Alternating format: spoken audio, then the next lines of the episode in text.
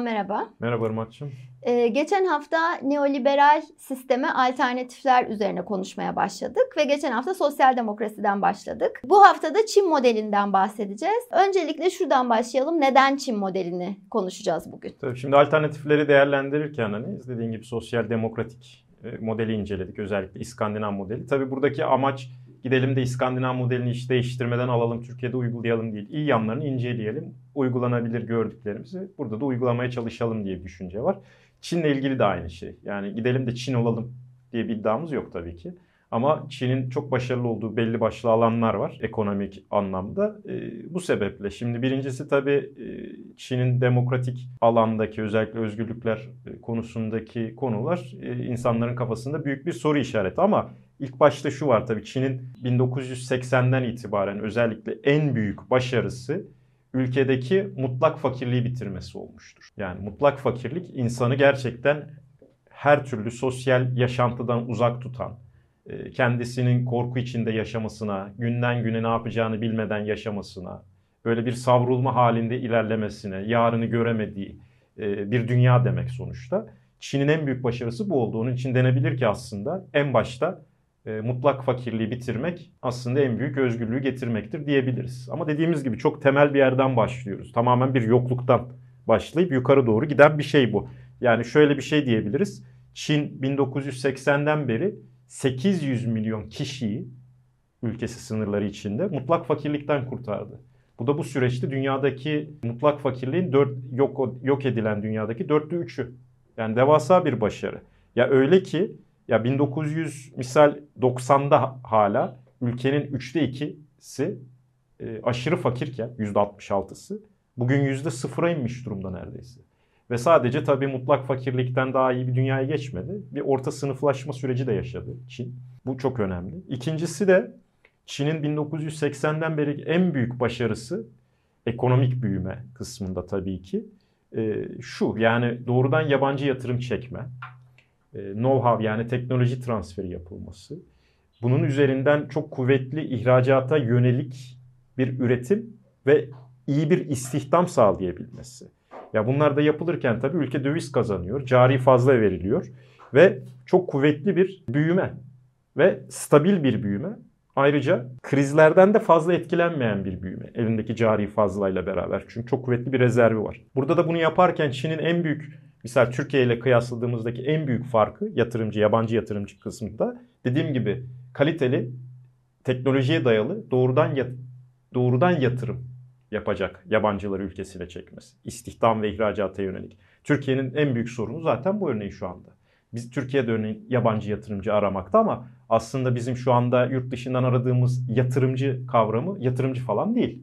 Bunlar çok kısa vadede spekülatif bazı enstrümanlara, finansal enstrümanlara tahvil olabilir, borsa olabilir. İşte buralara gelsin, para koysun, paradan para kazansın dediğimiz şeyler. Yani bu tür bir kısa vade yüksek getiri arayan hedge fond dediğimiz yüksek risk iştahı olan fonların Türkiye'ye gelmesi evet kısa vadede belki bir parça dövizi falan rahatlatabilir ama bu tür bir yatırım değil yani bu. Çünkü ne bir teknoloji geliyor, ne bir e, know-how e, transfer oluyor. Ne bir do, bir fabrika kuruluyor. istihdam yaratılmıyor. Yani bu tür bir yatırımcı dediğimiz Türkiye'de. Oysa Çin gerçekten istihdam ve ihracata yönelik yatırımcı ülkesine çekebildi. En büyük başarısı bu. Yani ve bunu yaparken de böyle kısa süreli spekülatif fonları falan da ülkesine sokmadı. Çünkü yatırımcı olarak görmüyor zaten onları. Ve son 50 yılda gerçekten Çin ekonomisine bir mucize denebilir. Belki de en büyük mucizesi. Yani kendini neredeyse hiç böyle besleyemeyen sadece lapa pirince tabi bir toplumdan, kırsal toplumdan e, bugün gerçekten dünyanın ikinci en büyük ekonomisi olmuş ve kişi başı geliri gittikçe artan bir orta sınıf haline gelmiş ve artık dünyada söz sahibi olan, teknolojisi gelişmiş, geleceğe daha güvenle bakan bir ülke yaratabildiler. Bilişim sektörü olsun, yenilenebilir enerji olsun, elektrikli otomobil üretimi olsun. Yani gerçekten büyük bir başarı elde ettiler. Çin'in 1980'den bu yana başardığı ekonomik büyümenin e, boyutunu sanırım en iyi diğer ülkelerle karşılaştırdığımızda anlayabiliyoruz ve sen bununla ilgili grafikler hazırladın. Bir onlara bakalım istersen. Evet. Şimdi bir nolu grafiğimize bakabiliriz. Bu grafiklerin hepsini Dünya Bankası'ndan aldım ben bu verileri. E, bir nolu grafikte gayri safi yurt içi hasıla ABD doları cari fiyatlarla. Burada 1980'den 2022'ye kadar giden süreci 5 ülke e, nezdinde e, bir karşılaştırmak istedim. Neden 1980?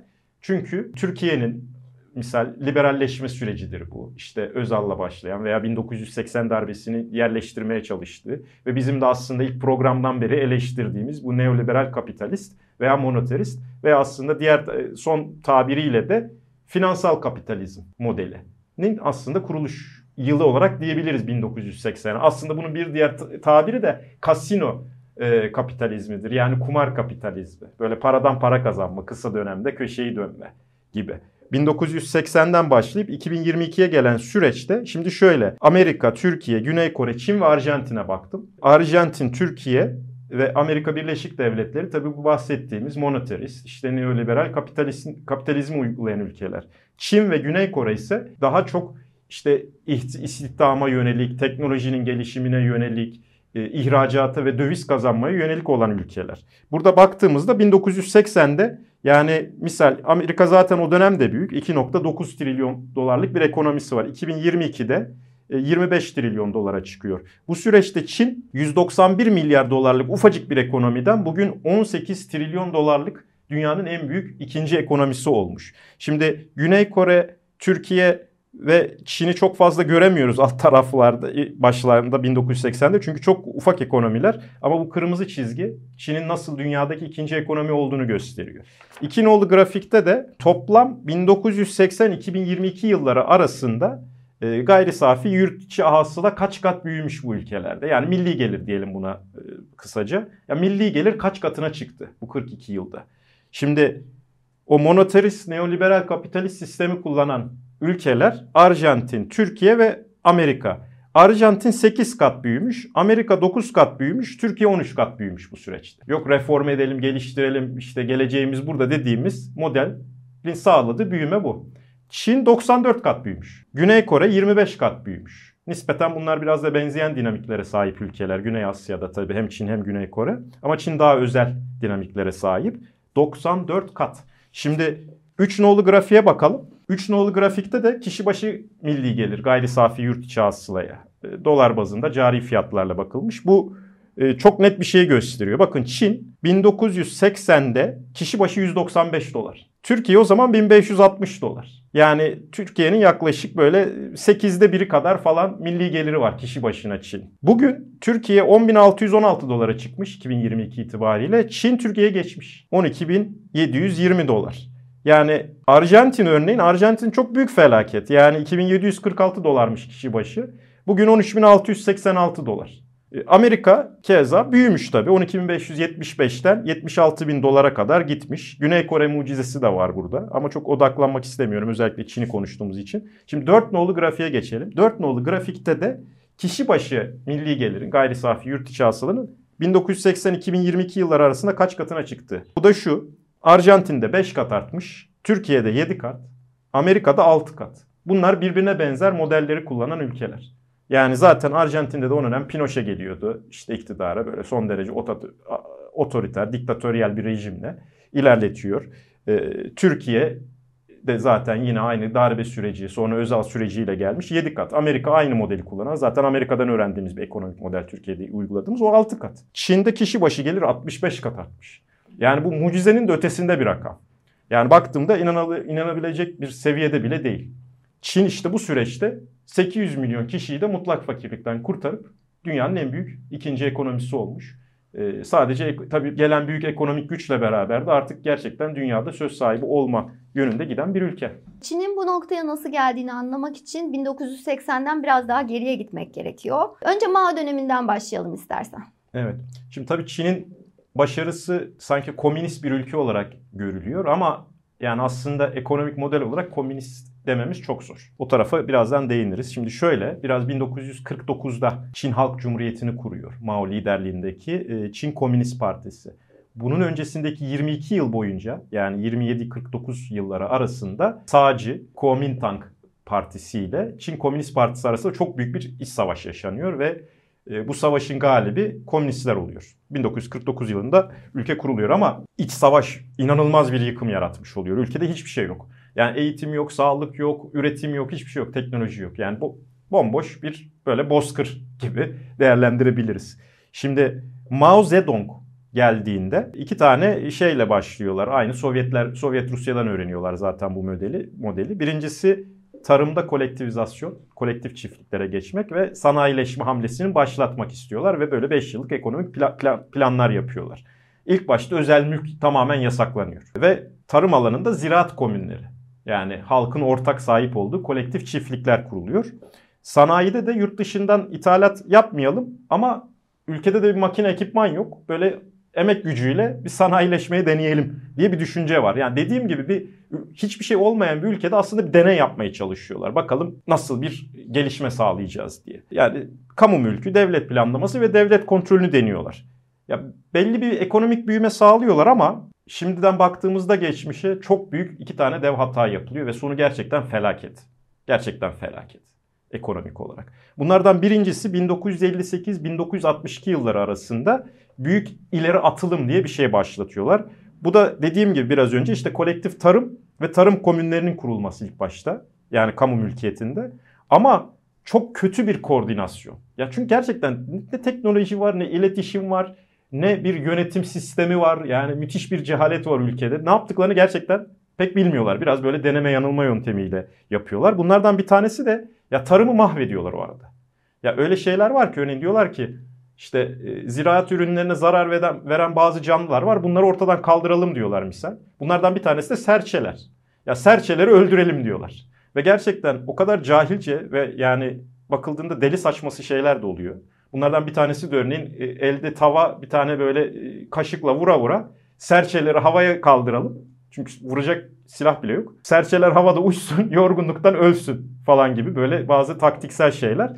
Ama bu tür serçeler falan önün ölünce bu sefer diğer zararlılar ortaya çıkıyor. Bunların başında da mesela çekirgeler. İnanılmaz çekirge istihdamları oluyor tarım alanında. Ve bunun sonucunda da ya 1959-61 yılları arasında ülkede inanılmaz bir kıtlık çıkıyor ve dünya tarihindeki en büyük açlık. 10 milyonlarca insan ölüyor. Yani tam bir felaket. Ve bir, bir diğer absürt şey de örneğin o dönem. Misal demir çelik üretimini teşvik etmek istiyorlar ama ortada bir fabrika yok. Onun için diyorlar ki millet evinin arka bahçesinde köylerde falan odun yaksın. Hurda demir eritip bunu kullanılabilir demire çevirsin. Yani yapıyorlar bunu ama çok kalitesiz, verimsiz bir demir bu. Hiçbir işe yaramıyor. Ama dediğim gibi yani buna böyle absürt diye bakmamak lazım. Gerçekten elde hiçbir şey yokken bir deneysel bir şekilde bir şeyler üretmeye çıkarmaya çalışıyorlar. Bir öğrenme süreci bu. Öyle bakmak lazım.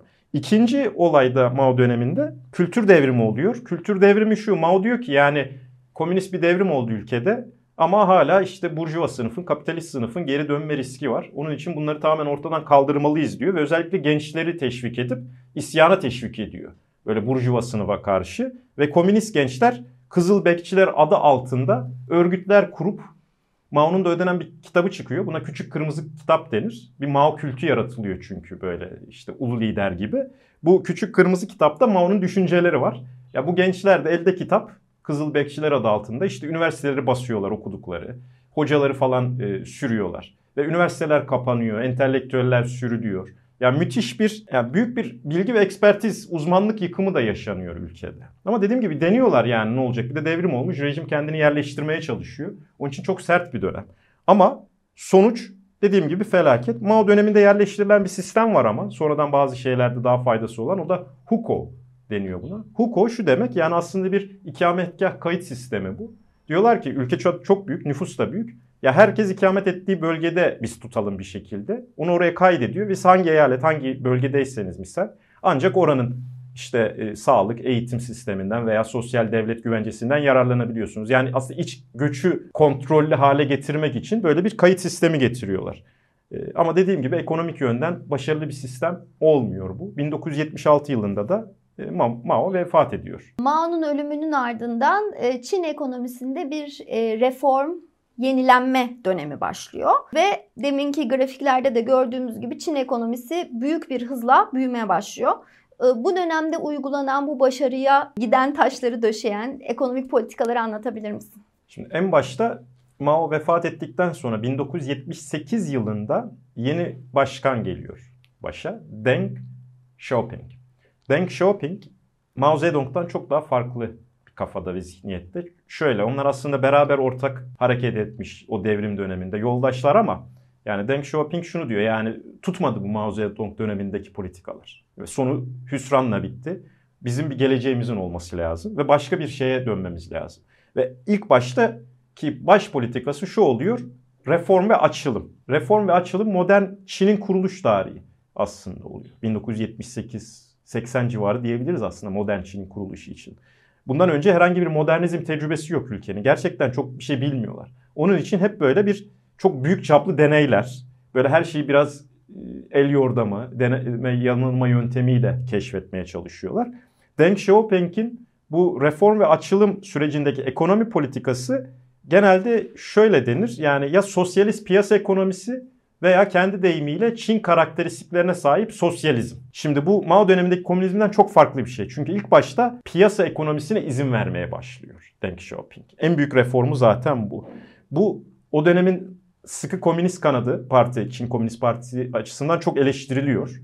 Ya işte kapitalizme sanki yön veriyorsun gibi piyasa ekonomisini devreye soktuğu için. Ama Deng Xiaoping diyor ki bir Çin atasözünü söylüyor. O da şu. Yani kedi beyaz mı veya kara mı fark etmez. Eğer fareyi yakalayabiliyorsa o iyi bir kedidir diyor. Yani kardeşim diyor bir sosyalizmi yerleştirelim ama yani hani takılıp kalmayın ekonominin nasıl olduğuna. Serbest piyasayı bir deneyelim diyor. Ve ilk başta 1980'de Deng Xiaoping döneminde yapılan en büyük ekonomik girişim 4 adet özel ekonomi bölgesi kurulması. Bunların başında da en önemlilerinden biri Shenzhen. Shenzhen o dönem Britanya sömürgesi olan Hong Kong'un hemen yanı başında bir aslında o 1980 başında çok ufak bir balıkçı köy. Ama bugün tamamen bir dünya devi olmuş. Hong Kong'u da geçmiş o küçük balıkçı devi ve dünyanın en büyük telekom şirketlerinin falan olduğu, misal Huawei'in genel merkezinin olduğu bölge.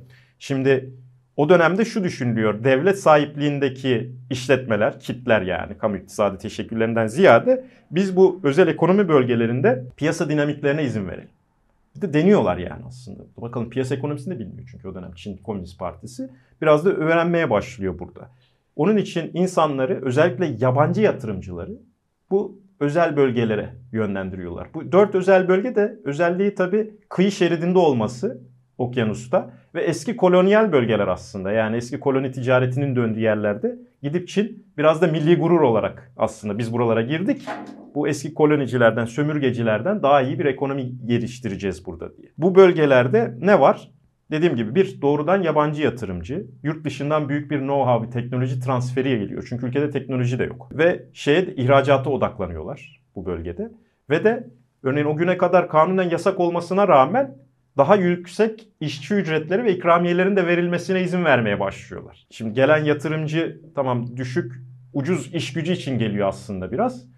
Ama ekonomik büyümeden de işçilere daha fazla pay verilsin. Onun için bu bölgedeki işçilere yüksek ücret ve ikramiye de dağıtılsın diye e, yavaş yavaş kanunu esnetmeye başlıyorlar. Şimdi özel ekonomi bölgeleri dediğim gibi ilk başta yabancı yatırımcı ve ihracata yönelik bir dönem ve ülkeye de çok büyük bir döviz kazandırmaya başlıyor. Çünkü Çin'in zaten cari fazlasını bu devasa e, cari fazla vermesinin ana sebeplerinden bir, bir tanesi bu. Bir de bu bölgeler biraz da ekonomik laboratuvar. Dediğim gibi yani Çin buralardan serbest piyasayı aslında nasıl işlediğini görüyor. Ve zaten yani Deng Xiaoping'in şöyle de bir lafı var. Yani biz dereyi taşlara tek tek basarak geçeceğiz diyor. Yani bir anda bütün ülkeyi piyasa ekonomisine açmayalım. Sosyalist piyasa ekonomisine.